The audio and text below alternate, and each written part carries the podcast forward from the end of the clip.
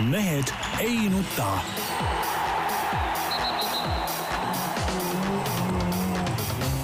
mehed ei nuta. selle eest, et mehed ei nutaks, kannab hoolt Unibet, mängijatelt mängijatele. tere teisipäeva, Mehed ei nuta eetris, mõni sekund eh, hiljem kui kell üksteist, aga mul oli kaugelt tulla, et, et see oli siis nagu väike eh, põhjus eh, ja saates siis Tarmo Paju Delfist, tervist, tervist. Peep Pahv Delfist ja Eesti Päevalehest. tervist. ilmselt endiselt, sest ma olin pikalt ära, eks, et ma ei tea, mis teil siin vahepeal juhtunud on. aga kes sind juhendas hommikust õhtuni? no jah, noh, võib-olla sa olid kohusetäitja. nii, ja siis Jaan Martinson Eesti Päevalehest, Delfist ja igalt poolt mujalt ja kui väga täpselt tituleerida, siis PyeongChangist. no kallimees ka ikkagi kallimees ka, on oluline ära mainida. Kas ta- tuldi ko koridori peal kohe mind kallima täna? No Kaunis segaste neiu. asjaolud oli jah, kaks või? mina ei küll ühte. ei, ei, ma ütlen kaunis neiu. aga kaunis neiu, ja, ja, ja, no vot, nägite. nii et Tarmo, ära tunne kadedust. ei, ikka tunnen, loomulikult tunnen, miks ei peaks? rääkige parem, mis siin Eestis äh, toimub. no ma arvan, et äh, täna on Peebu elu vähemalt viimase aasta üks ilusamaid päevi.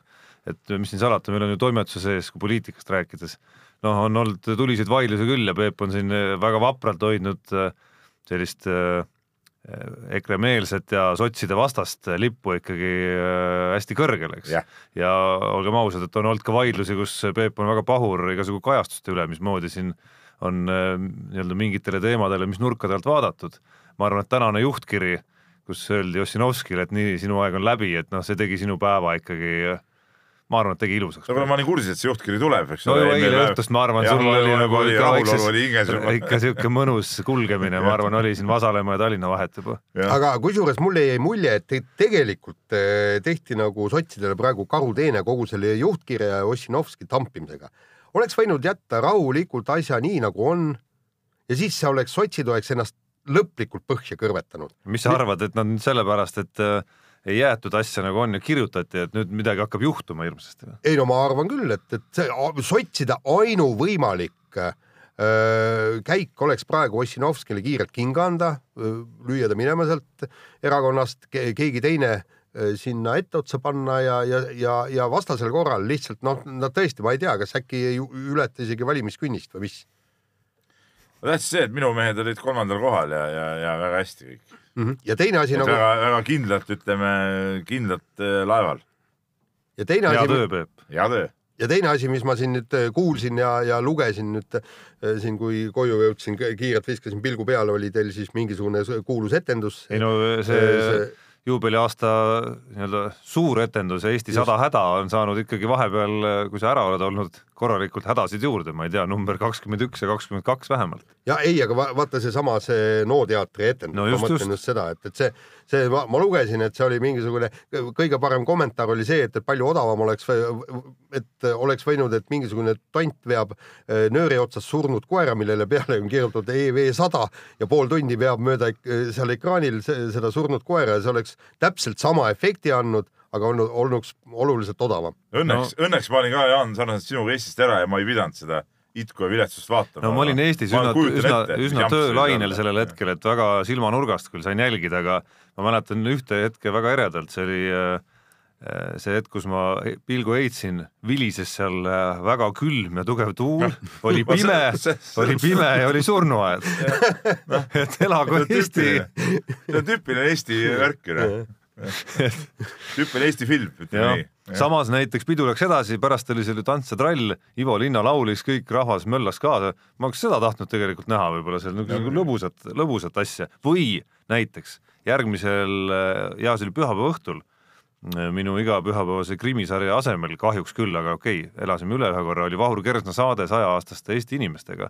soovitan tagantjärele vaadata seda, see oli nii lahe saade kui seal filmi oli, filmi taheti tingimata näidata ERM-is, seda filmi olekski võinud näidata, seal oli kõik olemas.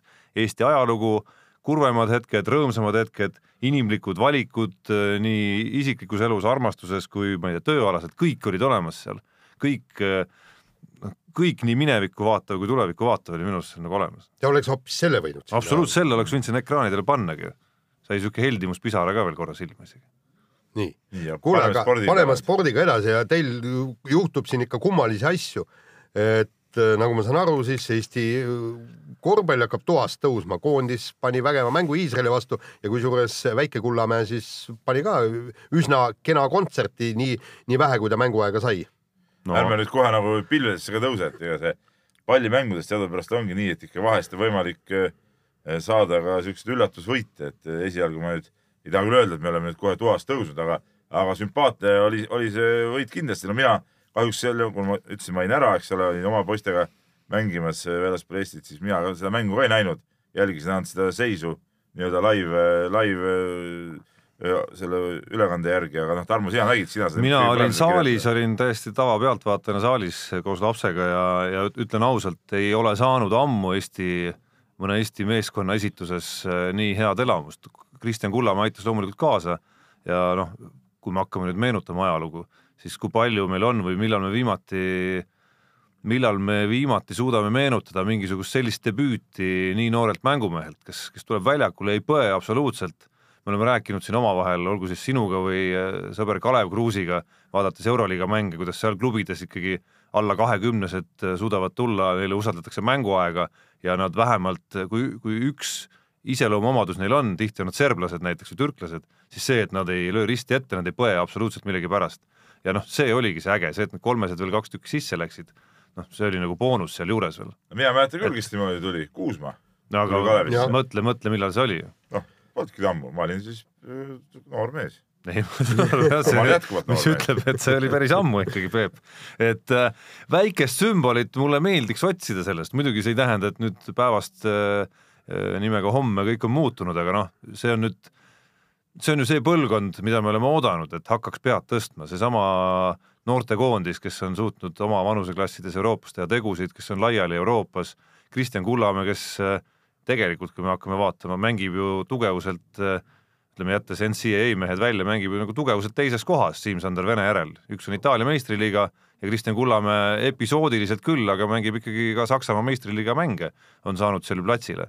Kõik needsamad Sander Raiested, kes üle Euroopa laiali, Kaspar Treier, kes Itaalia esiliigas ju teeb, tegi ka kusjuures nädalavahetusel täiesti korraliku mängu, et see on see põlvkond, kellest ootakski nüüd, et, et nende vedamisel hakkab midagi nagu juhtuma, muutuma, täienema meie koondis ja mängijate valik ta vaikselt hakkab täienema. väike sümbol, see, mina võtsin seda küll, võib-olla see on nagu soovmõtlemine, aga mu, ma võtsin seda küll väikese sümbolina. lihtsalt ma ei tahaks nagu selles suhtes. tahtmata, tahtmata ette rutata asjadest, et Kristjan Kullamäe noh, tegelikult ei ole kindel, et ta pääseb võib-olla satsigi juunikuistes mängudes, kui kõik on kohal. võib-olla ei pääsegi ja ma tahangi öelda, et ei maksa nagu ette rutata, et seegi see, et põlvkonda me ootame, aga see nagu üleöö või niimoodi prauhti ka ei käi, et ja ongi kõigepealt mingid üksikud mängud, kus üks-kaks meest esile kerkivad ja tegelikult ikkagi ütleme paari aasta pärast peaks olema see õige aeg, kus siis need mehed, kui nad saavad üldse sellele tasemele, siis on, on lõpuks nagu koondise aga, aga noh, teine pool muidugi, et taht-, tahtmata sinna Kristjan Kullamäesse kinni jääda, et äh,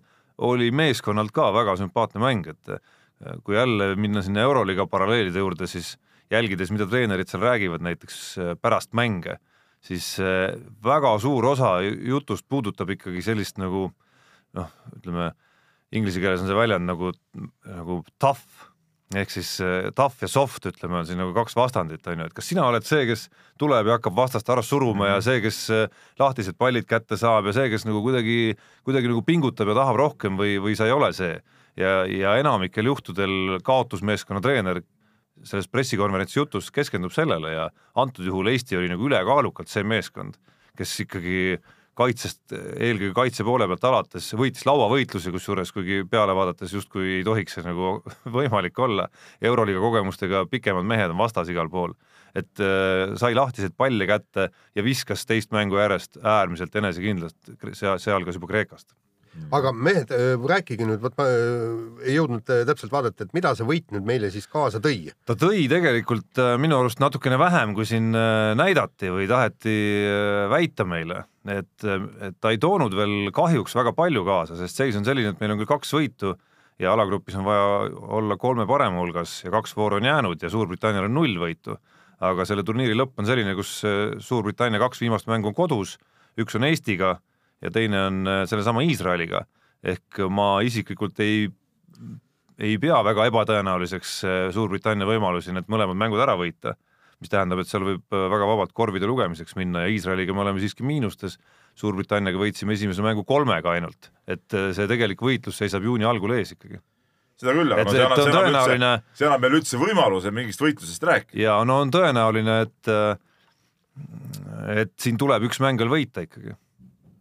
ja võib, kui me kaotame näiteks äh, neljaga Suurbritannias, see on meil viienda vooru mäng, siis on võimalik, et peame viimases mängus koos Kreekat näiteks võitma. Nii ta on. aga võidad Suurbritanniat ja on kõik korras. aga no kokkuvõttes ikkagi see, see MM valiksari, eile õhtul vaatasin eh, Viasati pealt No no, nal- Leedu-Kosovo mängu, no Läti-Türgit ma jäin vaatama. täielik naljanumber, pärast Läti-Türgi, no see oli vähemalt nagu põnev ja, ja, ja seal oli nagu, nagu mängumehi ka natuke Leedu-Kosovo, no mis, mis Leedu koondis, ma pool mehi polnud kuulnudki, tead noh. no või noh, teadsin mingid, mingid suvalised vennad, no no see ei ole nagu ikkagi see, no see ei ole, see ei ole see MM valiksari, mis nagu peaks olema, et see on täielik porno tegelikult, noh, jah, ütleme on duelle, kus see on vähe realistlikum, Eesti-Iisraeli mäng kusjuures on üsna nagu selline noh, ütleme üks sarnasemaid mänge sellele, mis saab olla ka siis, kui nad kõik mehed oleks kohal, et Jah. kaks meeskonda, kellel väga palju puudujaid ei ole. jah, aga, aga noh, tervikuna lihtsalt ma mõtlen, kogu see sari on, on ikkagi absurdne sedasi, nii on. nii, aga vahetame teemat kiirelt siia nii-öelda mitte olümpia saateosade lõppu veel. Räägime tõstmisest, värske uudis ütleb, et Mart Seim otsustas loobuda märtsis toimuvatest Euroopa meistrivõistlustest, kuna tervis ei ole siin vahepeal olnud kõige parem ja, ja ütleb, et kuigi medali ta usub, et võidaks küll ära seal, siis, siis tulemused ei oleks kindlasti sellised, nagu ta tahaks. ja siis lisab veel sellise lause, mis jäi mulle vähemalt kõrva ja silma, et ta ei taha kriitikutele tööd anda. no minu meelest sellega ta andiski kriitikutega, kriitikule ka, töö jah., sest minna praegu Jaan Taltsi käest küsima, et kuule, kas on normaalne, et mees paneb ühe võistluse aastas, ma arvan, et sealt palju Talts omal ajal võistles, eks no ole. täpselt, kuigi, kuigi ta näiteks Eestikaid ei võistelnud, ta ei olegi Eesti meister, no no aga liidu tšempionaat ja siis ikka rohkem seal ja, ja, ja mingi Bulgaaria kuldne kang on niikuinii jah, ja, ja siis EM-id, MM-id, kõik, kõik pani kaasa olümpiad ja, ja kui küsida, kui sealt tuleks lund tuppa küll ja küll. Et no, aga huvitav oli see, et äh, lugesin Märt äh, Roosna artiklit ka ja seal oli siis kirjas, et kuidas nüüd äh, siis järgmise äh, nüüd jälgib nagu olümpiaks nagu olümpia kvalifitseerumise võistluste kaskaad, et pooleteist aasta jooksul tervelt kuus äh, võistlust tuleb läbi teha. et see on meeletu kaskaad muidugi. no üleüldse hakkab mingi uus, uus selline mood tekkima, vaatan Eesti sportlaste seas selline nagu äh, ütleme siis tegevsportlaste äh, võitlus äh, mingisuguste endiste, endiste aegade tegijate kaldkriips kriitikutega. et kui me vaatame, mis olümpial Pyeongchangis toimus, siis mida päev edasi, siis seal ka tulid mehed rajalt maha ja, ja esimene märkus, mis sealt tuli, kuigi justkui endamisi mehed olid justkui suhteliselt rahul, siis esimene vihje ja lause läks ikkagi kuskile sinna suunas, et et siin kodus mingid mehed ikkagi noh, nende jaoks ei ole muidugi mitte midagi, et ma siin kahekümne teise koha sain aga, aga see on nagu loomulik. ilmselge viitega sinna Erki no, Nooltele aga ja see on nagu loomulik, kui omal ajal need mehed, kes kritiseerivad, tulid olümpiavõitjateks, noh. ja siis, siis see kahekümne viies koht ei olegi selle kõrval mitte midagi, see ongi ju, see ongi ju nii ja, ja, ja seda tulebki kritiseerida selle, selles valguses, et kas sa oled esimene kahekümne viies, noh siis mul on, mul on, mul on lihtsalt see tunne, et, et teiselt poolt needsamad tegevsportlased mõtlevad natukene nagu liiga palju selle, selle kriitika peale, ilmselt, ilmselt ilmselt, ilmselt läheb hinge siis järelikult. no vaata, seal, seal, seal kõik need äh, vanemad kritiseerijad ja kõik, et nemad ikkagi, no me, meil tuli ka seal äh, jutuks ja kõik, vaadake, kus äh, nõukaajal oli ikkagi äh, küllaltki karm see, see värk, tähendab. sul oli võ- võimalus, et kas sa kuulud liidukoondisse või sa kuulud siis spordiühingute koondisse ja kui sa sinna ei kuulu, siis mined tootvale tööle, eks ju jah, ja, ja, ja minu meelest ongi see, see on üks, üks põhjus, mikspärast äh, omal ajal need vennad olid ikka, ikka nii, niivõrd kõvad, eks. et neil, neil oligi kaks võimalust, kas sa oled tipus või sa ei tee üldse sporti. et siukse poole, poole teraga nii-öelda maailma viiekümnendaid ei, no ei hoitud kuskil. ei, absoluutselt, absoluutselt see mitte on. nagu selge. nii, aga kas kiire vahemäng. lähme kiire vahemängu juurde, vaatan, et siit äh, küllaltki tempokalt on see saade meil läinud, et on väga hea. nii. nüüd ma pean rääkima asjast, mida ma öö, absoluutselt ei tea, ei tahagi teada. ja, ja ma loen kohe ette, võtame prillid siin eest ära, kohe näha, koma, et intelligendid, hüüumärk, Roomet, jutumärgid äh, algavad, purustaja, jutumärgid lõpevad, Relson nokauteeris MMA matšis Kaio Nurmsoo ja ristis ta siis, jutumärgid algavad, Rosina peaks, jutumärgid lõpevad, punkt. et eh, tehke mulle selgeks, mis asi see on. no sa ei ole. Delfit üldse, see on No, Delfi spordi ei. suured kangelased on Jaa, ikkagi aga juba purustaja selge see, et tegemist ei ole päris spordiga, noh, see on, esiteks see on mingi show ja see on siuke paras, paras umbluu. ma tean, et rahvale see meeldib ja, ja las olla, see ongi äge iseenesest, siuke show ja võitlus, aga no ütleme. no selles mõttes Peep ta show muidugi ei ole, et eh, show on see nii-öelda wrestling, eks ole, seal käib mõtlen- ikkagi nagu ma noh, mõtlen kogu see muu triangel, mis seal ümber käib, seda ma räägin show's. kõik see mingid sõnavõtud, see, mis seal varem käis, et kes ütles, et ma olen Pärnu valitseja, teine ütles, et, et ohoh tont ja nii edasi ja pärast see mingi rosina peaks ristimine, no see oli nagu nõme tegelikult, noh, see oli nõme ju tegelikult, noh. Ei olnud või? see tundub mulle lihtsalt, see on, see on nagu haige. see tundub mulle rumalavõitu lihtsalt, mitte kõige peenem viis, ütleme siis ei, natuke absoluutselt mitte, noh. leiaks peenemaid, ma et, arvan. et see jääb siuke mulje, et seal ongi selle võitluse käigus võib-olla nagu natuke ära taotud või no ei tule nagu välja need õiged mõtted ja siis, siis see tegelikult siukse juraga tead Ja- noh. võidelge mehed, aga kui matš on läbi, siis öö, tuleb olla nagu spordimees ja, ja vastast ka kaotajat austada. vaata, kuidas poksimatšides, tiitlimatšides on, seal ei käi keegi mingit joga ajamas, vaid pärast matši tehakse ikka niimoodi embamised ja asjad kõik ära. ja aga teine asi on see, et, et vot ma ei saagi aru, et, et mikspärast me ka, äh, kajastame mingisugust Eesti mingit marginaalset võistlust, see võib öelda vist mingi Eesti tšempion selle aga- vastu on huvi päris suur ja tulid. ah,. no see on, ei no klikid, klikid, no jah, see kõlab nagu aga noh, reaalset huvi ongi olemas, noh ongi huvi, jah, kui sa vaatad äh, võitlus, võitlusürituste publiku arve, siis samamoodi. No Eestis on, Eestis on olemas minu publik. Keila korvpallihallis ja, ja, ja seal oli publikut küll. no kuule, aga mehed, tehke mulle no siin on selgeks, tondirabasid ja suuralle ka ikkagi peaaegu täis toodud. miks need purustaja ja muud asjad, miks nad ei lähe maailma? no purustaja lubab minna. lubab minna. ma no tahaks näe, näha ta seda ei ole ju kaotanud veel, noh. sellepärast, et meil, kui me räägime olümpiasportlastest ja ütleme, ta on mingi maailma viiekümnes, me ilgume ja irvitame siin äh, tema kallal, siis, siis vähemalt ta üritab, ta on maailma tipu sees, ta vähemalt lööb kaasa ja võitleb õige. nende maailma minu parimatega. jaoks ka nimetada ennast purustajaks, olles mingi Pärnu rajooni tšempion. Come on, vennad, tead noh. noh, keda me seal purustame? no tuleb, tuleb, Peep, tuleb. no ei. mina usun, et purustaja jõuab läheb, ikkagi. Läheb maailma tippu, tuleb eh, MM-as maailmameistriks, jah, siis on purustaja, nõus. jah, täpselt. aga praegu ei ole ta veel mitte kedagi purustanud. nii, aga vahetame teemat äh, ja äh, väike jätk meie Rootsi ralli järgsetele juttudele on see, millest on äh, rallimeedias, maailma rallimeedias nädala jooksul kirjutatud. ehk siis see olukord, kus MM-i eesotsas ees olevad mehed, alustades Sebastian Ogier'st ja Ott Tänakust, olude sunnil pidid nii-öelda rallisahka mängima ja kaotasid igasugused võimalused ralli võidu peale võistelda Rootsis on ajanud loomulikult äh, päris paljudel harja punaseks, eelkõige nendel ja nende tiimidel. ehk siis nädala jooksul on erinevaid alternatiive pritsitud välja sinna ralli inimeste poolt, et kuidas ikkagi välistada sellist olukorda, et küll on räägitud siin kvalifikatsioonikatse tagasitoomisest, sellest, kuidas need rahvusliku grupi autod, millest me siin ka rääkisime, et kas nad peavad seal WRC vahele sõitma ja tee jälle ära rikkuma. ehk siis mingi sumin käib. no siin on eh, mitu asja nagu segi aetud, esiteks asi ei ole rahvuslikus grupis, vaid asi on MM-il sõitvates nendes väiksemates masinates. et neid peavad igal juhul sõitma, neid ei saa kuhugi mujale panna. no Mäkinen pakkus siin, et tuleks lükata kuskile pärast WRC masinaid. Nad ongi pärast WRC masin no.. no veel pärast WRC masinaid, et nad Et seal vahepeal ei sõida, kui kordusläbimised on. ei no jaa, aga no siis ei saa ju rallit, sa pead öösel sõitma no sõidavad, sõidavad ei siis no see, öösel, no noh. see ei ole nagu ei, ma olen lahendus. selles mõttes, mina olen selles mõttes olen nõus, et see WRC peab olema sellistes oludes suurem prioriteet, sest see on ikkagi nagu, see on nagu ralli A ja O ikkagi, selle põhitähelepanu ja eelis peab olema neil. no vaata, seal on ei ainuke, sa ei saa maailmameistrit panna, röövida nagu eos võitu ära selle nimel, et need grupid saaks ka oma ralli täismahus kaasa teha. jutt ju paksus lumes, nii, kui oleks olnud kvalifikatsioonikatse, kes oleks pidanud esimesena kvalifikatsioonikatset sõitma? ja ei, see jääb mul loomulikult alles. ikka oleks nad jää- jäänud niimoodi, et nad oleks oma stardikoha saanud ikka kõige halvema, noh. jah, et see oleks no mitte midagi see neljapäeva õhtune nii-öelda minikatse, mis oli, saadeti, saadi ju normaalsetes võrdsetes tingimustes sõita. see oli küll, see oli küll ülilühike muidugi ei,. ma ütlen veel kord, kui oleks, no selle nii lühikest kvalifikatsioonikatset ei ole mõtet teha.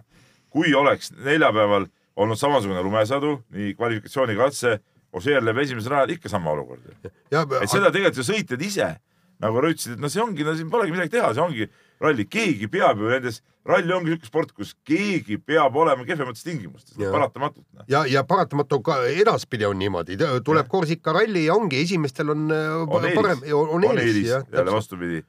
Ja toovad siis, toovad järgmistele seda kruusa peale sinna ja ongi kõik, ongi kehvem Jah. tagapaasõitjatel. ja no see eelise vahe, eelise vahe kruusa ja selle paksu lume vahel on muidugi ikka päris suur. no see oli ka üks kord, ega siukest eh, pole ju aastaid olnud, siukest eh, nii ekstreemset olukorda. ja, ja, ja minu meelest ongi ainukene võimalus on seal see, et äh, nagu nad räägivad, nad ei saa kahe katse vahepeal lumesahka peale tuua sellepärast, et see on ohtlik ja, ja sealt hakkavad juba nullid tagant tulema ja kõik, eks.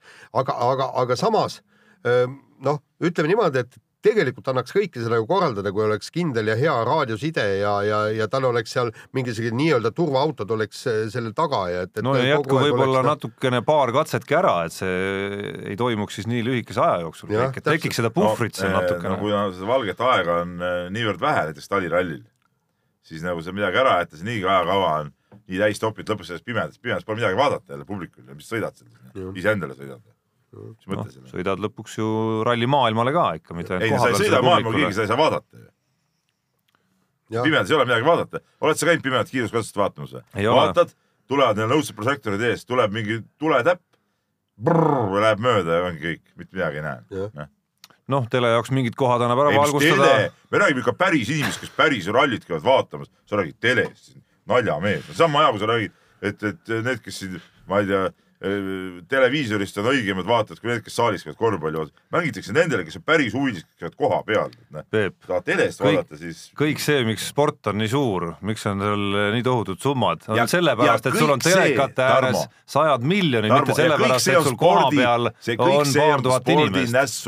sul on koha peal, ma arvan, et äh, sul ei oleks siin päevalehte nelja külge sporti ka Kuule., kui seda sport ei oleks nii suureks läinud. see kõik on spordi nässu keeranud, olgem ausad.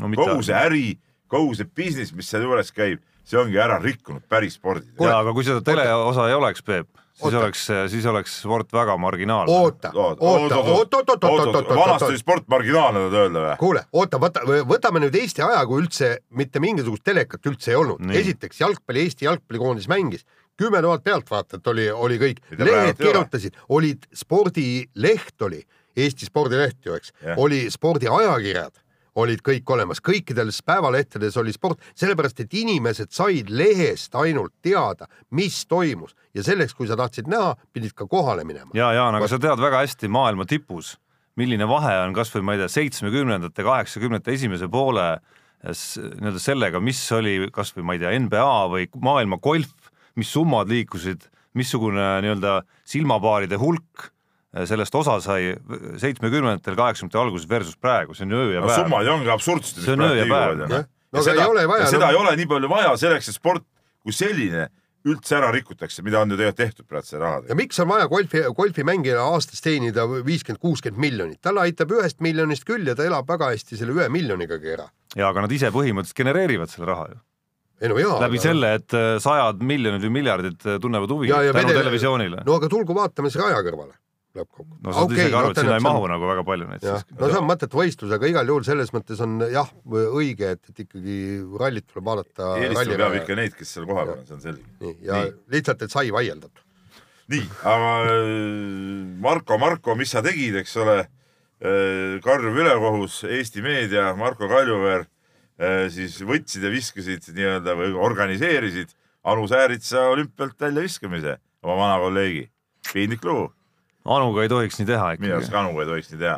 see võiks ikka olla mingi, ütleme, võiks olla mingi puutumatuse sihuke, sihuke tase nagu teatud inimesel, Anul kindlasti. kuulge te,, tegelikult noh, kui me, kui me, kui me hakkame nüüd seda asja nagu tõsisemalt lahkama, eks, et see ETV noh, seal kuskil parklates tegi neid intervjuusid, ega no sportlased tassiti sinna tead pärast võistlust kuhugi parklatesse kõik, no ütleme niimoodi, et, et see ei olnud väga, väga nagu timm, timm asi kõik.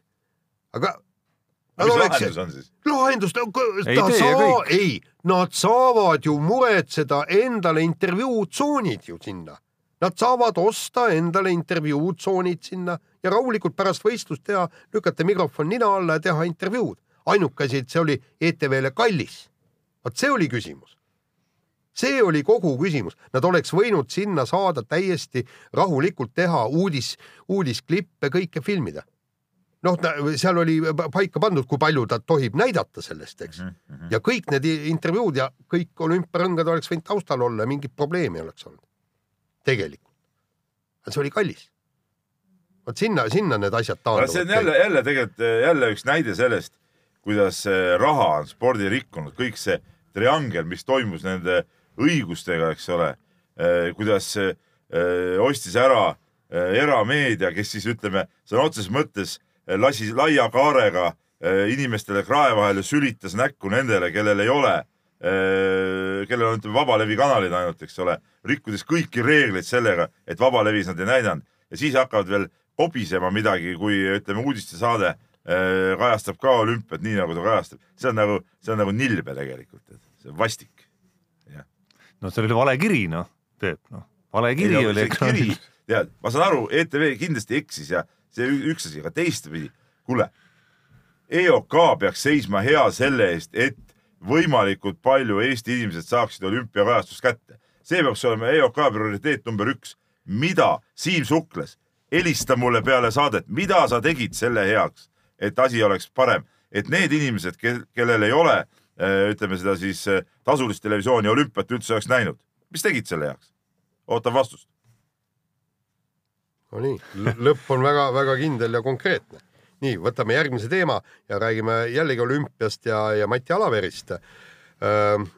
Aleksei Poltoranin, kes läks äh, kindla kulla peale välja, tegelikult isegi ütleme niimoodi medali peale läks välja viiekümne kilomeetri no kulla ikka ma sain tagantjärele aru, et medal ei olnud nagu, Medal ei olnud ju medal midagi tema midagi väärt aga noh, tema tähendab jaoks., ütleme niimoodi, et see mäda, medal oleks kas hõbe või pronks oleks olnud nagu hädaabi nagu kuidagimoodi see olümpia päästa ja, ja meeste viiekümne kilomeetri klassika ühistardega sõita. lõpuks äh, jäi ta nippa-nappa kaheksa sekundiga Algo Kärbi ette ja, ja kukkus lumme, nuttis äh, peatäie, peatäie välja seal ja ja kõik nii ja siis äh, Mati Alaver siis andis teada, et, et maksab viimase aasta palga maksab äh, kenasti tagasi kasahhidele, ütles, et uurib välja, kes mulle palka maksis, seda ei teagi, kas Kasahstani kuskilt raha tuli. ei no jaa, ega no seal on kas Kasahstani olümpiakomitee või Polto-, Poltoranini nii-öelda tiim või, või, või kes see maksis, maksa, maksab tagasi ja ja noh, vähemalt selles mõttes ta ausalt käitub, eks, et äkki talle tuli ka raha kuidagi, mäletad Peep kunagi ajakirja aegadel korjati kuskilt kokku spordielu aegadel kilekotiga ja põhimõtteliselt raha ootas lihtsalt kuskil. sulas loomulikult. Aga, aga võta nüüd kinni, kust see tuli, noh. aga tegelikult äh, ma ütlen, et, et siin, siin on ikkagi noh, hunnik küsimärke ja küsitavusi ja kõik, et ma, Mati Alav väga tore mees ja kõik ja ka- kaks meest on viinud medaliteni. ja, ja, ja kõik, kaks meest ja, ja, ja kui me pärast Sotšit, kui me tegime ja kui ma intervjuud ja kui ma küsisin, et, et, et miks, miks, miks, miks teised mehed ei, ei jõua medalite lähedalegi meie mehed, eks. et siis ta hakkas seal rääkima, et seal on noh, probleeme oli rahaga, eks, et seal on teadustööd ei, ei ole teha, tingimusi ei ole ja kolmas asi ka, et, et kõik ei ole võib-olla nii andekad kui, kui Veerpalu-Mae. nii nüüd nagu ma olen Kasahstani ajakirjandusest lugenud, Poltoraninile tagati kõik vajalikud tingimused, mis tal üldse vaja on, punkt üks. punkt kaks, mehe andes ei saa olla mitte mingisugust küsimust, sest vaata sealsamas MM-il, kus me sinuga koos käisime, kaks tuhat kolmteist Valdi Femmes Femme, võitis äh, mees kaks pronki ja sellel samal distantsil võitis ta pronksmedali ja siis paari sprindis, mis oli uisutehnikas muideks, võitis ka pronksi. nii, See po- MK-etappe see aasta. ja, ja MK-etappe andest puudus ei ole. aga miks nüüd ei tule seda, miks eh, nüüd ei tule, mitte nüüd sellel olümpial, ma isegi ainult küsi- ei mõtle, aga eelnevatel MM-idel ka, mitte midagi ei ole tulnud. Ei ole, jah. midagi seal metoodikas on, on midagi sellist, mis võib-olla kümme aastat tagasi veel ütleme, oli maailma konkurentsis, aga tänapäeval enam pole ilmselt, noh, sellest peame varem ka rääkinud ju tegelikult. jah, ja, ja see meil tuligi see jutt kasvõi selle, selle Kläbo jooks ja jooksmine seal mäkk ja kõik muu, et, et suusatamine muutunud. et, et võib-olla tõesti, kas, kas Mati Alaver ei ole selle ajaga kaasas käinud ja, ja ääretult kurb on nii mõlema poolt, nii, nii äh, Poltoranin kui Alaveri poolt, üks lootis, et ta saab jälle õpilase ja saab jälle teha seda oma armastatud tööd ja viia sportlase medaliteni ja seesama Poltoranin lootis, et mul on treener, kes on kõva ja kes no kes oskab äh,, nagu ta Eesti sportlastega tõestas äh,, ajada väga õigeks ajaks vormi. just täpselt ja, ja sportlane lootis ka, et see koostöö kannab vilja, tegelikult ma oleksin lootnud, et oleks kamba peale ikkagi kolm-neli-viis medalit selle aja jooksul äh, kaela saanud. aga lõpuks on, on neli aastat tööd tehtud ja null, jah, kusjuures kui sellest. Kui sellest tehnika poolest rääkisid, siis, siis kui tegin äh, ühte olümpiastuudiot ja puudutasin seda äh, suusatehnikat, tuli jutuks see, et äh, on nagu kaks koolkonda tekkinud, üks on pigem seal siis lääne pool, kus äh, ütleme, võimsus ja seesama jooksusamm, eks ole, okei okay,, see ei puuduta nüüd maratoni, see jooksusamm otseselt äh, nii-öelda on nagu edasi mindud tehnika osas ja siis on selline nagu idapoolne pigem seal äh, kus, kus on jäädud siis võib-olla nende tõekspidamiste juurde seal tehnika osas vähemalt, millega me oleme harjunud siin juba Veerpalu maajaegadel, siis noh, Vene suusatajad tegelikult nagu no ei saaks öelda, et oleks väga halvad olnud, kuule, no tegelikult noored mehed, noored väga naised, vingelt panid. väga vingelt jah. panid ja millal oli võ- Vene naissuusatajad olid sedavõrd head ja sedavõrd no päris ammu. ega ma ei mäletagi, Lasutinad ja, ja Lasutinad ja, Jah, ja, jah, ja Matvejevad ja kes seal kõik olid, eks, et noh, ja kusjuures see, kes seal sai teise koha sai, teateski oli viimast vahetust sõitis, siis eurospordi kommentaatoridki ütlesid, et noh, et tehniliselt see mees nagu tegelikult nagu noh, vajakajäämisi on väga-väga palju ja tegemist oli noorte meestega kõikide mm -hmm. nende venelaste Jah. puhul ju peaaegu kõikidega. et kui see veel nagu tehnika osas äh, nii-öelda mingisugused sammud edasi teeb, siis võiks sealt täitsa nagu Kläbole kõva konkurent aastateks ker- kerkida. no just. Nii et venelased on tagasi, kuigi arvati, et nad on omadega põhjas, kuna kõik Ustjugoveid ja, ja, ja neid suuri staare olümpiale ei lubatud. aga kiire vahemängu lõpetuseks, kui me siin ühes saates juba lugesime kokku, kuidas meil nii-öelda poolikutest medalitest peaks juba nagu midagi kokku tulema endale ka, siis ühe poole me saime olümpia eelviimasel päeval veel juurde, kui Ivo Niskanen võitis siis meeste maratoni ja tõdes, et pool sellest kuulub Eestile. noh, tema määrd-, määrdemees näiteks on ju Aare Mets.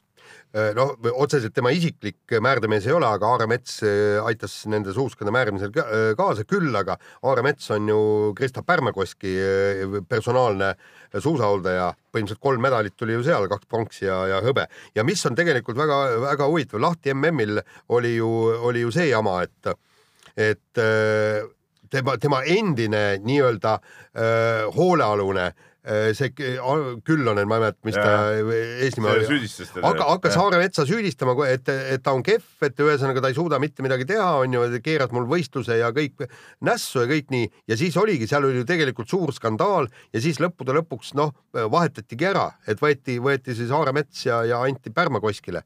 ja nüüd, nüüd on täpselt näha, kus Küllonen on, olümpial teda ei olnud, ta on ikka täielik kott.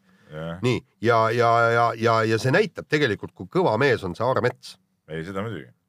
kolm, kolm medalit sealt ikkagi välja imeda kogu selle norralaste vahelt ja rootslaste vahelt. ja noh, tegelikult tema ongi ju, kui me vaatame, eks ole, ta oli Eesti tippsuusatajatega, medalid tulid. Kovaltšiku juures oli, medalid tulid. nüüd soomlaste juures medalid tulid.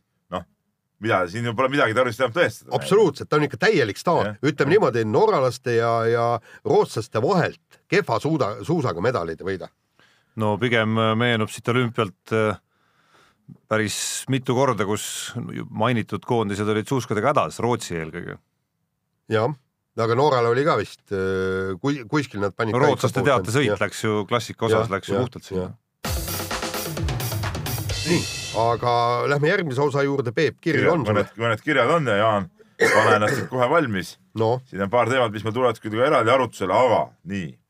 Holger Tamm kirjutab meile, luges huviga kahekümne kuuenda veebruari Eesti Päevalehe artiklit jäähoki finaalist. mäng oli põnev, vaatasin seda ise otseteleviisorist ka. aga E- E- Eesti Päevalehe artiklis jäi üks asi segaseks. Jaan kirjutas seal, et Kussev virutas finaalis kaks korda litri posti alla. vanasti visati litrit väravalati alla, kas saaksite kirjeldada, kuidas seda posti alla visata saab? nii Jaan, kirjelda, kuidas siis No no, liter posti alla, kas noh., kas, kas värav tõsteti Peep. üles ja liter visati sinna posti alla või kuidas seda mõista? See on post, väravapostid on värava, väravaplaadina. ei ole, stanga, tähendab. Perekladina on ei üleval., ei ole, Ožerov ei öelnud kunagi Perekladina, täpselt kui ülesse läks. mäletad, et goal, hui, štanga no seda mäletad nojah. ja, ja poiss on no ei ei no see ikka tähendab, ütleme nüüd, no kuule, kuule vaata, noh, virutas põik lati alla, no kuule, see on kuradi, viskas lati alla loomulikult. kuule, lati alla, kõrgushüppe lati alla või? noh, kuule, ei, see, see on ikkagi, tähendab, noor mees ei saa asjast aru ja, ja ühesõnaga õpi natukene. Peep, ei on ole noor muidugi, Jaan, lepime selle kokku. no okei okay,, no siis on vanamees seda enam. ei no mina saan väga hästi aru, aga no ikkagi ma arvan, et Holger Tammel oli õigus. ei, ma arvan, et ei ole. aga huvitav küsimus on Siimul ja, ja ausalt öeldes Jaan, sina olümpiamees mees, sina pead seda vastust nüüd ka teadma. ahah, et kui keegi kiirustamise naiste eh, grupisõidu või ühistardiga sõidu finaalis medali saanud sportlast jääb dopingu vahele, kas pronksi saab siis Saskia Alusalu või see sportlane, kes finišis oli neljanda ajaga? põhimõtteliselt äh, Väga hea küsimus, ei, aga- ei arutasime seda teemat, me, me tähendab, me ei tea reeglite järgi, kuna seal, seal on, seal on üldse naljakas selle ühistardiga sõidus, ma pärast, pärast teile räägin, aga, aga seal on niimoodi, et, et, et ikkagi peaks saama Saskia Alusalu. ikka muidugi loogiline. Ei, miks? ei no ta on lõpuprotokollis neljas seda no- küll, aga tema ei osalenud ju medaliehituses ju. ja, ja aga kui sa neid punktide jagamisi hakkad vaatama, siis ühel hetkel ikkagi see vahefinišite ütleme, esikolmiku osas on need punktid ju tehtudki niimoodi, et sa ei saa nagu punktidega kätte ei, ja, saada muidugi. viie nende vahefinišite peale onju või kolme vahefinišiga, eks ole, viieteistkümne punktiga, aga, aga Neljandast neljanda kohandast-, sealt edasi juba annab nagu ei kätte, saada. neljandast kohast alates maksavad ainult punkti. ainult punktid. no just, no täpselt, no seega ongi no jaa, aga, selge. aga ütleme okei okay,, see võistlus nii absurdne, me jõuame selle juurde tulla, see on täielik, Jah. minu arust see ala ise selliselt on, on lihtsalt debiilne. ei, aga muide, mis oli väga huvitav, meie noor reporter Madis Kalvet üritas võistluste eel siis äh, publikule teada anda, et, et kuidas see võistlus käib, et poolfinaalid, finaalid, kõik nii ja ta otsis interneti läbi ametlikest protokollidest, meil on see mai infosüsteem Jah. ka, mitte kuskil ei olnud kirjas äh, mitu uisutajat saab poolfinaalist edasi, tähendab, ühesõnaga mitte keegi kurat ei teadnud äh, selle võistluse õigeid reeglitki aga üldiselt on nagu vist väga palju lootust ei ole, ma vaatan, esikolmik oli Jaapan, Lõuna-Korea, Holland, et noh, sealtkandist no väga harva tuleb dopinguudiseid. noh, ei tea Jah, jah, noh, ei jaapanlane jäi ju vahele muideks äh, olümpiamängudel ju. aga enne kui me selle aluselu teemaga edasi lähme, ma võtaks ühe kirja veel siia vahele ja siis meil nagunii tuleb järgmises osas aluselust juttu. Et eh, küsimus puudutab nüüd eh, Kristjan Ilvest. et eh, ja sellest, et kui ta nüüd nelja aastat kiiremini suusatama ei hakka, et kas ta võiks siis teha sellise sammu nagu Kaarel Nurmsalu ehk jääda ainult suusahüpete juurde ja üritada seal midagi ära teha no.. mis sa arvad? no ma, ma kindlasti arvan, et, et ta ei tee seal eriti midagi ära, sest noh, tema, tema kea ka, tema kaal on juba niisugune, ta on raske kondiga vend.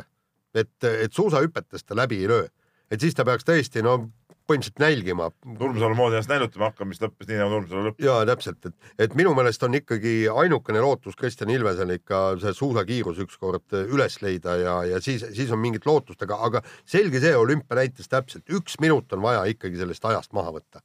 muidu ei ole mitte mingisugust lootust, sest, sest nagu ta lisa ütles, me ei treeni selleks iga päev, et saada kuueteistkümnendaid kohti.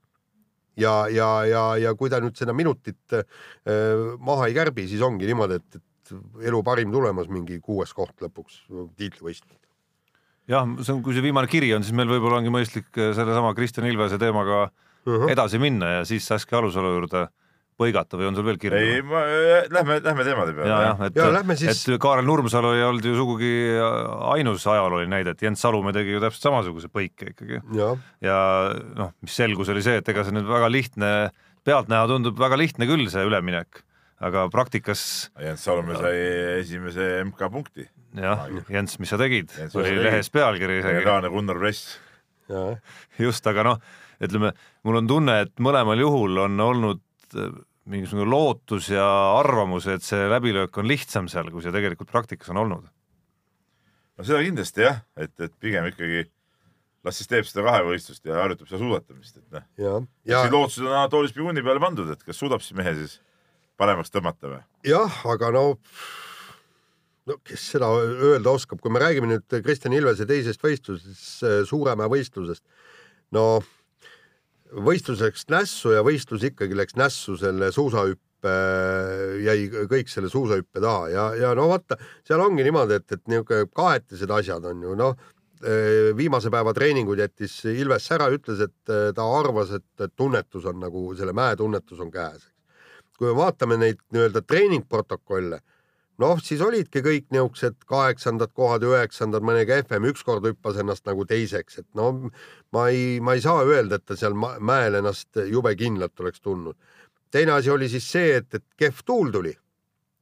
et võrreldes, võrreldes teistega täpselt minut aega hiljem oli, oli vend ennast hüppas, ma ei mäleta, kas teiseks või, või kolmandaks. Ja seal oli ikka nii kõva vastutuul, eks. ja see noh, kompensatsioonipunktid ikkagi öö, noh, ütleme nii, et ei ole ikkagi väga õiglased, nii, aga samas sama kehva tuulega hüpati ennast esimeseks ja hüppasid ka teised vennad, et, et tähendab, kes ikkagi hüppab, see hüppab. mina arvan ka, et ikkagi viga hakkas sellest pihta, et ta loobus sellest viimasest trennist. nojah, see, see võib olla, aga ikkagi ütleme niimoodi, et, et ta, ta millegipärast ei, ei olnud valmis sealt suurelt mäelt hüppama ennast, ennast nii-öelda tippu. ja Aga- teine asi, teine asi, kui ta tahab saada esikümnesse, nagu nad räägivad, neil oli plaan esikümnesse saada, siis ta peaks tegelikult esimene, teine, kolmas, kolmandana äh, stardist ära minema. jah, nii, nii kehva suusasõidu puhul. jah, sest see maailm on ses suhtes väga halastamatu ja ega ei muutu ühelgi järgneval aastal lihtsamaks ka tema jaoks, et äh, kõrvalt, vasakult ja paremalt ja selja tagant hüppab ju ma arvan, olen kindel, et igal aastal välja selliseid Jarl Magnus Riiberi suguseid uusi noori, kes on äh, mingis, mingis elemendis võib-olla veel andekamad ja mingis asjas veel kaugemale jõudnud. ja noh, kui sa vaatad seesama Riiber, kes justkui pole nagu suurem asi sõidumees olnud vähemalt mingitel hetkedel, siis kannatas seal ikkagi sakslaste tempot ikkagi väga hästi, okei okay,, jäi medalita lõpuks, aga, aga siiski kõik muud nii-öelda hüppemehed kukkusid sealt ära, aga tema, tema kannatas ja selliseid tüüpe viskab, ma arvan, peale kogu aeg ikkagi, ikkagi regulaarselt. no just ja, ja, ja si siin ja see ja teisalt selliseid mehi, kes suudavad no nii-öelda selliseid hüppeid teha, mida, selliseid hüppeid, mida Kristjan Ilvesel just vaja on, et võttagi ühe aastaga kuskilt see minut ära siis sõidutempos. aga minu jaoks küsimus ongi see, et kas on üldse reaalne seda minutit kärpida. Ei no me näeme kõrvalt, et suudavad. ei, ei, aga vaata nüüd, Ilvese see eh, karjäär ka juba noorteklassis oli ju kogu aeg selline, et ta sõiduga ikkagi ju, ju oli vilets, et pigem ta ju juunioride võistluse ka hüppas, eks ole, ette ja siis kas suutis ennast hoida või ei suutnud hoida. noh. äh, nelja aastaga minuti ta kärpis No see ta- ma vaatasin neid äh, olümpia, eelmise Sotši olümpia protokolle ja vaatasin siis äh, seal noh, ka to- tol ajal, tol ajal ta sai kolm minutit rahulikult, nüüd ta saab kaks minutit. aga kui see nüüd aga kas mitte konkurents ei ole ka tihedamaks läinud natuke? no ma ei, ma, ma selle, selles ei ole, selles ei ole kindel, aga, aga, aga nüüd järgmised aastad peavad, ütleme ühel hetkel, ta on ju noor mees. no ta on kakskümmend üks siiski, et, 21, jah. et äh, minu arust no, küsi-, kolme küsida, et kahe kas seda peale kärpida on kindlasti lihtsam kui kahe pealt ühe peale nojah, aga, aga seda tuleb kärpida No seda tuleb ei, ma kärpida. küsingi Ja seda, no kas on üldse, kas on üldse nagu reaalne see kärpimine No- no,, selles on nagu no sa pead teada, et vastupidavusalal see kärpimine võibki tulla ju nii-öelda nagu mingite hüpetega, et Ja sa kindlasti. seisad mingi aeg paigal, eks ole, teed mingisugust tööd, tööd ja siis see ühel hetkel annab alles no, tulemuse no vaata, seda ma ei tea, ma ei, ma ei tea seda füsioloogilisi näitajaid, kui palju on hapniku tarbimisvõimed ja kõike ja vot et kas neil endal on ikkagi selge pilt selles suhtes üldse. jah, et, et võib-olla tõesti nüüd äh, võttagi mingisugune aasta, et äh, jätta see hüpped äh, nii-öelda tagaplaanile natukene ja keskendudagi eks seal suusatamisele on. ka omad ohud jälle, kas hüpe pärast tagasi tuleb enam pärast seda. no jaa, aga, aga praegu, praegu on, tähendab, kui sa medalit tahad, siis sa pead selle minuti kärpima jah, varem või hiljem, aga, aga kui sa tõesti noh, kui nelja aastaga minuti kärpida, siis on täiesti okei okay., siis ta on, mis ta siis on, kahekümne viie aastane ja, ja konkurentsis, jah, parimas vanuses, vot see oleks täiesti okei okay.. aga läheme nüüd Saskia Alusalu juurde tagasi. edasi, kuhu iganes, ehk siis Saskia Alusalu olümpia neljas, olümpia justkui päästetud, kõik on hästi, supersõit või vot see on on siuke kuskil mingid nagu konksud asi, no ikkagi. selge see, et Saskia Alus tegi enda seisukohast tegi kõik õigesti, võttis selle maksimumi, mis tal võtta oli, mingit muud varianti polnud. no natuke Teisalt- see, millest me siin Marko Külvi Jah. puhul rääkisime tegelikult Teisalt- ka selle teisalt. valiku puhul seal. teisalt see võistlus on ju absurdne.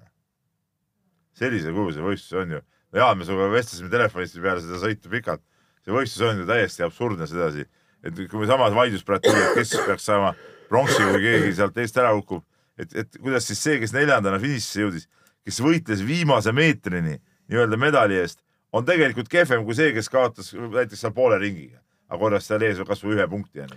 no kusjuures kiiruisjutajad ise ütlevad ka, et, et see, See- see, võistlus ei ole nagu päris õige, aga, aga, aga noh, ei ta mitte päris võetakse õige, vastu ta ei ole üldse õige. no ütleme, see, see neljas koht oleks kindlasti oluliselt ägedam, kui äh, kõik sportlased, kes seal finaalis olid, noh, kõikidel on samasugune stiimul jõuda kas neljandaks, viiendaks, kuuendaks, seitsmendaks või mis iganes. Et, punkti et igal pool on neil samasugused rahastamissüsteemid taga, onju. aga poolakatel muuseas on, ja kõik see oli pull, ma ainuke asi, mis ma seal Poola, ma vaatasin, ma olin Poolas, eks ole, vaatasin telekast seda, et seal üks Poola tüdruk uisutas ka ja see sai ka vahefinišis mingisuguse punkti kätte. No ei, seal kõik, kes vähegi- ja siis ma saan aru, stipendium, stipendium, eks ei, kui sa lõpp-protokolli vaatad, kõik, kes vähemalt Jah. ühe punkti said olid esikümnes. et, et, et sellest käis see Poola kommentaator rääkis ka stipendiumist, et, et see jube oluline oli. et, tegelikult et oleks, et oleks kõikidel samasugune ei, süsteem, et oleks mingi loogika, peaks saama punkte kõik lõpetad ka neljas, viies, kuues, seitsmes, kaheksas. Ja siis annaks need vahefinišid veel nagu mingeid lisaboonuspunkte, siis oleks nagu see vahefiniši võidul mingisugune mõte nagu. kuule, vaata see, siin me ka pikalt arutasime selle võistlusformaadi üle, seal on kaks võimalust. üks võimalus on see, et mitte mingeid vahefinišid ei ole, ongi tavaline massstart. nojah, sõidame, sõidame massstarti, kes on esimesed kolm, neli, viis, no mis kuus ilmselt. tähendab, et seal lihtsalt äh, loksutakse, kuni ei, miks ühel, seal on olemas sprinterid ja seal on olemas eh, distantsisõitjad ja distantsisõitjate mõte ja, aga on ju kuule, ma ei usu, et sa sõidad uisurajal eest ära lihtsalt. ei, sa, sa väsitad need ei sprinterid aga lõpuks viie tuhande ära. jooksus ei ole see- mingeid vahefinišeid ja aga see Tarmo. vahe on nii tohutu uisutamises, nende kiirustus, eriti tuules sõitmise ja eessõitmise vahe. ei, aga seal hakkabki taktika maksma ja, ja, ja kõik ja, ja lõpuks, kui ikkagi sprinter, kes on, kes sõidab viitesadat meetrit, tuhandet see oli meetrit, meeste sõit, kus ma mäletan, seesama meeste ala mm. -hmm. kus vist viimased kolm ringi üritas üks hollandlane kuidagi tempoga ära suretada neid äh, kiirema lõpumehi, hollandlane, kes oli nagu pikema distantsi mees. Jaa. tegelikult, täiesti lootusetu. ei no jaa, see oli kolm ringi, aga, aga kui ta, okei okay,, jäägu see eh, kiiruisutajate arutada, see siin ma ei oska kaasa rääkida. teine ei no võimalus, muidugi on see võimalik, no me nägime ju mis alal see oli, kus äh, teatesõidus, Jah. suusatamises, kus Björgen küpsetas ju Nilssoni ära, eks. ehk siis võttis sprinteril nii-öelda jala nõrgaks ikkagi ja, ja tänu sellele võitis. ja, ja teine asi on pikendada esiteks distantsi kuue kilomeetrini, eks, ja, ja iga vahefinišid, iga kolmas ring on vahefiniš ja, ja lõppfinišis on topeltpunktid ja mitte, mitte maksab siuksed, mitte makspunktid jah jah, ja topeltpunktid lihtsalt ja anda, andagi esimesele viiele viis, neli, kolm, kaks, üks või no mis see punktisüsteem iganes olgu ja ainult punktide järgi jagada medalid. vaat see on nüüd teine võimalus, see on aga natuke, mitte, see on natuke nõme võistlus. ei, aga see, ei, see on ju see on jalgratta või me saame Ja, seda ja jalgrattasüsteemi treki-, aga, aga see, see, see ongi nõme võistlus, et siis nagu see, kes esimesena lõpetab, ei ole, ei pruugi olla võitja nagu selles mõttes seepärast nagu aga ei ole nagu loogiline võistlus. aga noh, tulles Saskia Alusalu juurde, siis ikkagi tubli, ma, ma ütleks siia lõppu, et, et tead- ta tegi täpselt seda, mida ta pidi tegema seal. aga mis siis oleks saanud, Jaan noh.? kas, ma, ma nagu ei saanudki aru, et, et seal poolfinaalis, ega seal eh, noh, poleks No. lastud niimoodi eest ära minna, eks. Ei, seal ei lastud. seal ei lastud, ei korra proovis sealt, eks seal oli väga lähedal, et ta olekski välja jäänud. aga kui poleks seda kukkumist olnud, tead, ta poleks finaali saanudki. ei no ma kunagi ei tea, seal oli veel kolmas vahefiniš oleks ka olnud. ta ei ole sprinteri tüüp. no ei, ta oleks kolmas, kolmas tavaline vahefiniš, võib-olla oleks taktikaga, vahet ei ole, aga mis minule öö, ääretult meeldis, oli see, et, et Saskia Alusalu ütles otse ja ausalt välja, et ma tahaksin, tahtsin saada stipendiumi Ei, selleks, et jaa. jätkata kaks aastat seda sõitu ja, Ja- kui ta oleks hakanud seal midagi hämama, et oh, ma lootsin seal lõpuni ette jääda mm -hmm. või midagi niisugust, ta-ta-ta, vot siis oleks piinlik olnud ja. see on ju, see oli mõnes mõttes ju investeering, selge investeeringu koht tegelikult selleks, et võib-olla kahe-kolme või nelja, mis iganes aasta pärast äh, minna sellisele sõidule maailma tippudega koos juba natukene teistsuguse taktikaga Just. ja minna reaalselt ikkagi nagu medali peale, ükskõik eeldusel, et see süsteem on täpselt pigem ma samasugune. arvan see, et see annab võimaluse treenida ennast nagu No ütleme just, päris täpselt. klassikalistel kiirustamisaladel äh, konkurentsi ja et sa saaks nagu sõita nagu võrdne võrdsega No- seal päris sõita. tema, tema distantsid on ju tegelikult 5000. kolm tuhat ja viis tuhat viis tuhat, aga sinna pääses ainult olümpiale kuusteist persooni. aga tahtma, ma ei, ma ei tahaks ainult kinni jääda sellesse veidrasse formaati, et, et, et Saskia Alusalu kõrval olgem ausad, olümpia üks tublimaid oli ka Martin Liiv, teine kiiruisutaja. Nii-öelda enda, enda taset arvestades. ehk see viib ikkagi mõtted sinna, kus äh, oleks väga teenimatu, kui me siin ei võtaks seda teemat korraks ülesse, et mismoodi ikkagi täiesti tühja koha pealt Adavere lagendike vahelt Väino on Väino Treimanni juhtimisel pandud püsti äh, uisurada ja, ja sellisest kohast on ikkagi kaks olümpiaatleeti, olümpia paar parema jah. on kuskilt tulnud välja, et see näitab, mis jõud on ikkagi sellel nagu A entusiasmil, südamega tegemisel, kõikidel nendel asjadel, et, et tasub üle Eestimaa vaadata neid inimesi, kes noh, ma ütlen kodukülla kasvõi needsamad mehed, kes meil siin noh, ma ise olen harva jõudnud, aga aga need mehed, kes käivad seal öötundidel nii-öelda jääd valamas kuskil seal noh, tegelikult omast ajast, mine sa tea, kust sellisest nii-öelda entusiasmist või tänu sellele entusiasmile ja millises Eestimaa nurgas sünnib tegelikult mingisugune noor sportlane, kes, kes sellest nii-öelda tänu sellele võimaluse saanuna jõuab kuhugi elus. ja, ja vaadake nüüd, kuivõrd palju on selles öö, tulemuses nii Saskia kui ka Martin Liivi öö, tulemuses EOK ja Uisuliidu osa no me saate on... viimases osas jõuame sinna muidugi, aga aga, aga see, see, see on punkt üks on marginaalne, see on marginaalne ja punkt kaks on ikkagi see, et meie head tulemused tulevad ikkagi nii-öelda piiri tagant. Eesti, mitte Eestis harjutades, aga piiri tagant. see on ka see ala selline, kus ei saagi. no üks on, üks on piiri tagant, teine on see. talihärm piiri tagant tulnud, ta Ameerikas ja Ameerika süsteemiga treeninud, sealt on tulnud no,. Jaan, oot, oot, oot, oot, olgem okei okay et Ameerika süsteem, aga Ameerikas laskesuusatamisüsteemi ju ei ole, sa tead väga hästi. et siin nagu öelda, et, et, et see on mingi supersüsteem, kui ta oleks Saksamaalt kuskilt, siis ma saan aru, et jah ja, seal on mingi laskesuusatamissioonid. ikkagi, ikkagi, ikkagi seal on tingimused, seal on tingimused, teine asi, Kelly pigem Sildaru. on küsimus selles, et mida kuradid siin need Eesti laskesuusakoondise omad tegid, selles ja. on nagu küsimus. Kelly Sildaru, piiritagune. Sjoga ajas eile Aktuaalse kaamera spordis see pea, soomlasest peatreener, no see, see on selle jutu eest tuleks ta võtta, isegi kohvrit ei annaks kaasa, tead. laeva ja sõudepaati ja sõua minema. tunnelit ehitama. noh, tunnelit ka ajama. kuule, päris heas seisus oleb, mis kuradi heas seisus, et noh, tulemust pole ollagi ju, heas seisus nii, aga me, aga tuleme veel, tuleme veel selle juurde tagasi. räägime enne, fikseerime ära, et äh, olümpia mitte just kõige ägedama hokiturniiri võitis siiski ei, vaata nüüd sa eksid, Tarmo, hokiturniir oli jumala äge. meelega seda muidugi. hokiturniir oli tegelikult äge, mängud olid äh, vägevad, jah, see, see ei olnud nagu see hokiturniir, nagu olid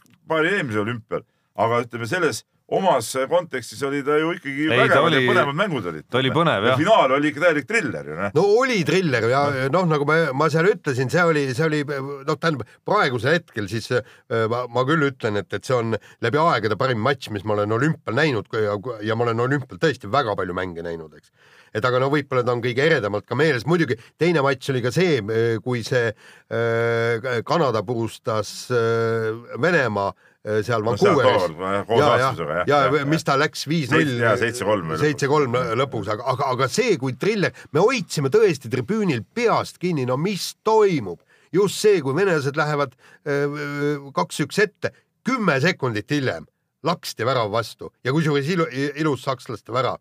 Ja siis, kui, kui, kui sakslased lähevad öö, äh, no põhimõtteliselt kolm minutit mängida on ju, lähevad siis ette ja siis veel arvulise ülekaalus ka. ja, ja siis arvulises ülekaalus. Ja venelased ikka võtavad ja võtavad selle ära, no see on täitsa uskumatu triller oli tõesti. see oli uskumatu triller ja, ja selles suhtes oli, oli vägev. Ja no loomulikult oli põhiline see, et Ilja Kovatšuk sai lõpuks olümpiavõitjaks, et Tatšuk sai selle kuldse kolmiku liikmeks, eks ole, et, et noh, Stanley Cup maailmameister ja, ja see äh, olümpiavõit, eks ole, ta veel Gagarini karikas ka veel et noh, see nagu ikka vägev, see on ikka legendi. ei, see oli kõik vägev ja no põnev, põnev oli see loomulikult ka ja, ja vaatemängu oli ka ja, ja see sakslaste, aga selle, aga selle, sellele peamine tänu selle eest läheb ikkagi sakslastele, kes ütleme noh, mõelge, kui see kõik oleks kuidagi kulgenud nii, et mingid tšehhid või kanadad lähevad seal või Rootsid tulevad välja ja, ja ma ei tea, okei okay,, finaal äh, ei ole ka nii dramaatiline võib-olla, siis oleks sellest hokiturniirist jäänud ikkagi nagu kuidagi väga kahvatu maik. et see päästis, see Saksamaa päästis tegelikult hokiturniiri.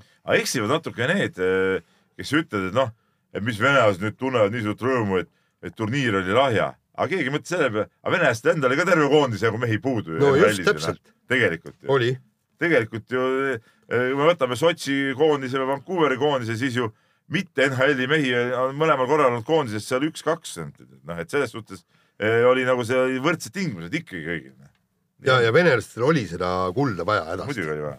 kusjuures Venemaa ei ole ikkagi lõpuks olümpiakulda saanud et, et on võidet, võitnud Nõukogude Liit, ühendvõistkond. SRÜ ja nüüd siis olümpiasportlased Venemaalt. no nii, ja nüüd siis viimane teema, et, et kuidas siis on, et kas Eestil peaks kesise tippspordi pärast olema piinlik või mitte? ja minu arust see mingi piinlikkust eh, tunda selles mõttes, see on nagu mõttetu, eks ole, see on nagu ajaraisk, aeg oleks haarata härjal sarvist ja hakata tegutsema, eks ole. me oleme rääkinud seda siin, ma ei tea, no ma ise olen rääkinud seda nii palju, kui ma mäletan. ei no kaheksa aastat vähemalt. jah, et eh, kuule, nüüd on nagu see piir käes, hakkame nüüd midagi tegema, eks ole, hakkame süsteemi muutma, hakkame, keegi peab vastutuse võtma, keegi peab äh, tagama selle, kuidas on rahasüsteemid, kuidas see tippsport hakkab toimima. mitte midagi ei muutunud, midagi ei muutunud. jah, ma vaatasin, tulles nüüd hüpates korraks siia Saskia Alusalu, Alusalu juurde tagasi, et et kui Alusalu oli oma neljanda koha kätte saanud, siis märkasin Facebookiski pilte, kus äh, meie spordi juhtimisega seotud inimesed poseerisid temaga koos, eks.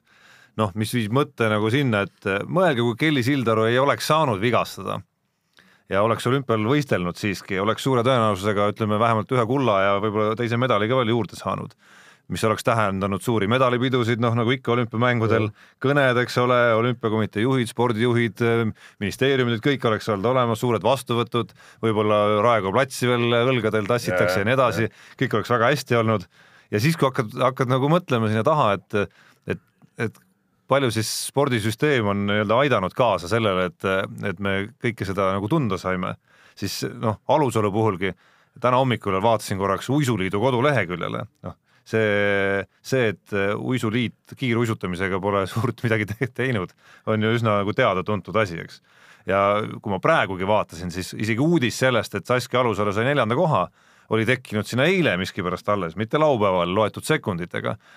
üritasingi vaadata mingeid dokumente kiiruisu mingitest nii-öelda programmidest ja arengukavadest.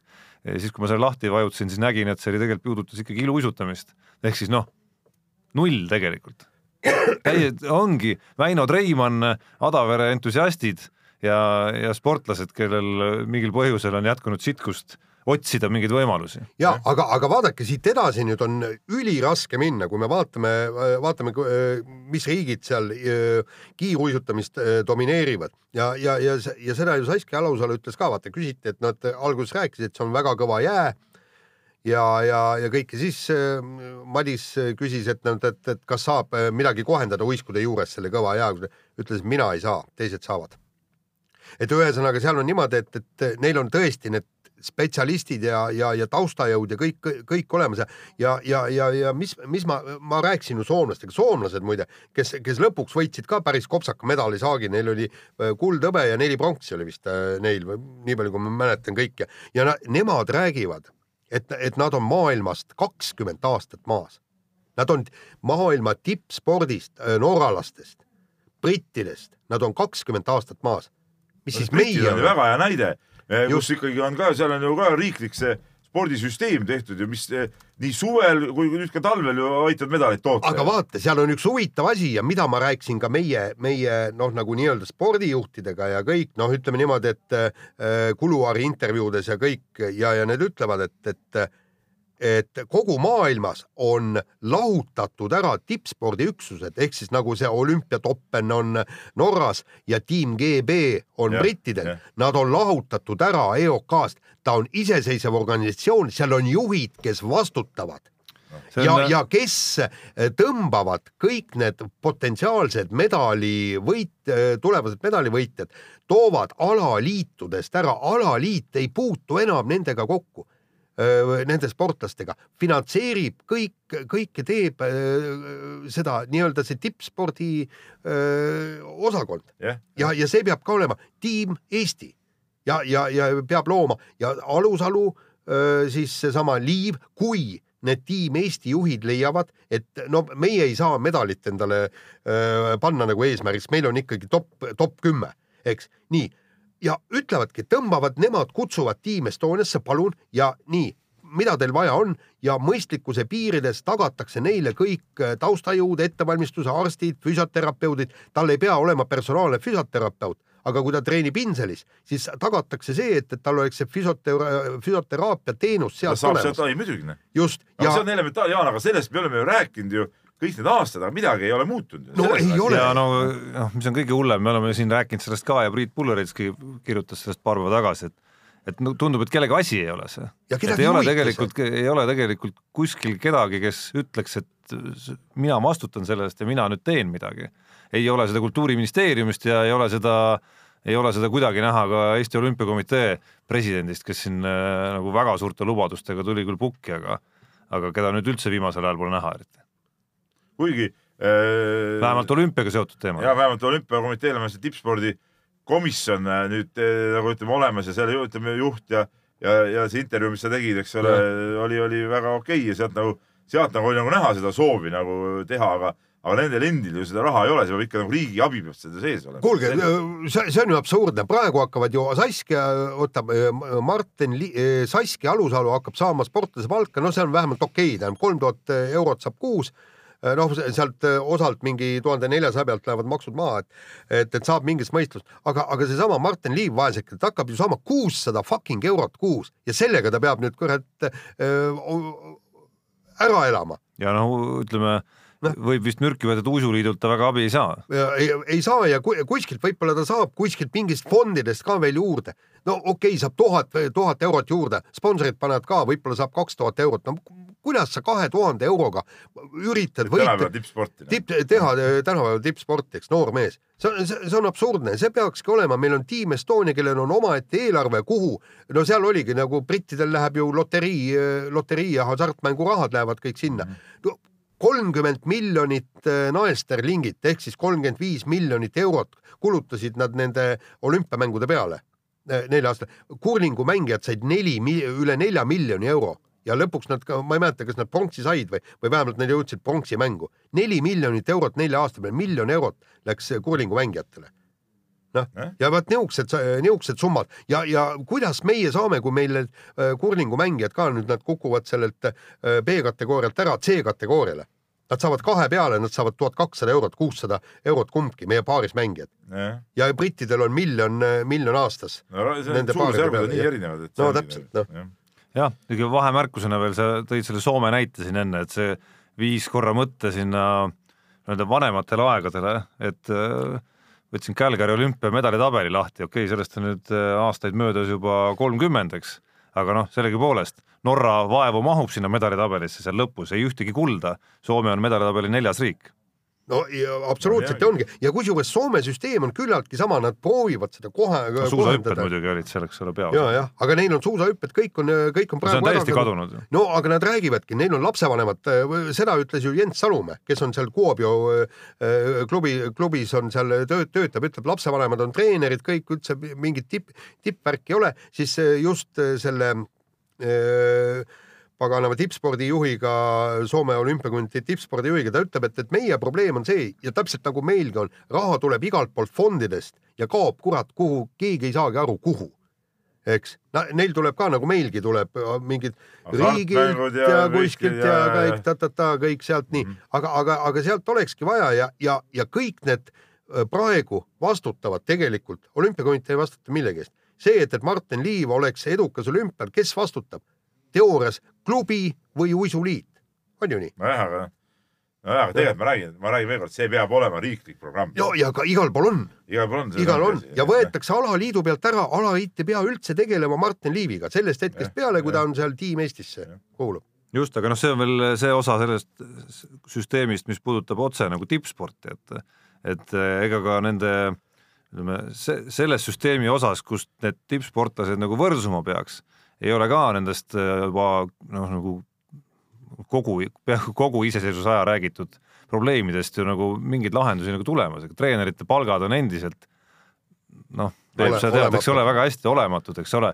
treener ei ole amet, mille suunas vaataksid noh, ütleme, räägime, kui me tipptreenerid välja jätame ja ma ei tea, koondiste või korvpalli tippklubide treenerid ja sellised välja jätame, ei ole amet, mida kõik noored ja nii-öelda eeldustega kas lõpetavad sportlased või mingil hetkel poolelijäetud sportlased, kellel eeldusi on, tahaksid nagu võtta ja oma elualaks valida, kuna see ei ole ju atraktiivne ja sa pead kuidagimoodi elama ka oma elu korralikult ära. Eh, või, või samamoodi see süsteem, mis soosib ka erinevates klubides ikkagi nagu nii-öelda harrastajate kokkukogumist, mitte selle, mitte, mitte nii-öelda tulemuse tegemist ja nende tippsportlasteks ja nende, nende seast tippude välja selekteerimist ja, ja nendele keskendumist, et see, see on küll täpselt sama, ikka seesama pearahad ja kõik need asjad, mis soosivad nagu harrastust ikkagi, mis on ka oluline, aga tippsporti see väga ei toida. Jah, no vot see nii, nii on, nii on, aga, aga ega, ega midagi pole teha, meil on, meil on see EOK president, kes ta on, Urmas Sõõrumaa ja, ja tema ei no on... meil puudub ka riiklik tahe, noh nagu näha, et juba Ansipi aegadest, kus noh, ta ütles ju välja, et sport ei ole demokraatliku riigis nagu ongi eraasi no.. kuule ja, ja, ja siin ongi ainuke, mul on lootus, ma kuigi need riigid, kellega me siin võistleme, kes kuidagi riiklikult päris, seda asja lähenevad, ei ole väga totalitaarsed riigid siiski. tegelikult minu ainukene lootus on see, et, et see Šaika, kes praegu seal on presidendiga EOK-s eesotsas, see ei tee mitte midagi. praegu mingisuguseid põhimõttelisi suuri muutusi, mis peaks tegema, et praegu ei tule et minu ainukene lootus on tõesti, et järgmine EOK president, äkki ma ei tea, Gerd Kanter, kuivõrd jõuline ta on, et või, või, või kes see veel sealt presidendiks tuleb ja suudab selle Eesti tippspordi ümber korraldada, see on ainuke lo lootus. selle lootusega peame vist lõpetama. peame vist nii lõpetama, mis meil on rekordsaade jälle või? võib täitsa olla nii, et, et saime rekordi kirja. aga sai hingelt ka ära rääkida, nii üht kui teist. no nädalaks ainult. nädalaks ainult, jah, kuulake meid nädala pärast mehed ei nuta.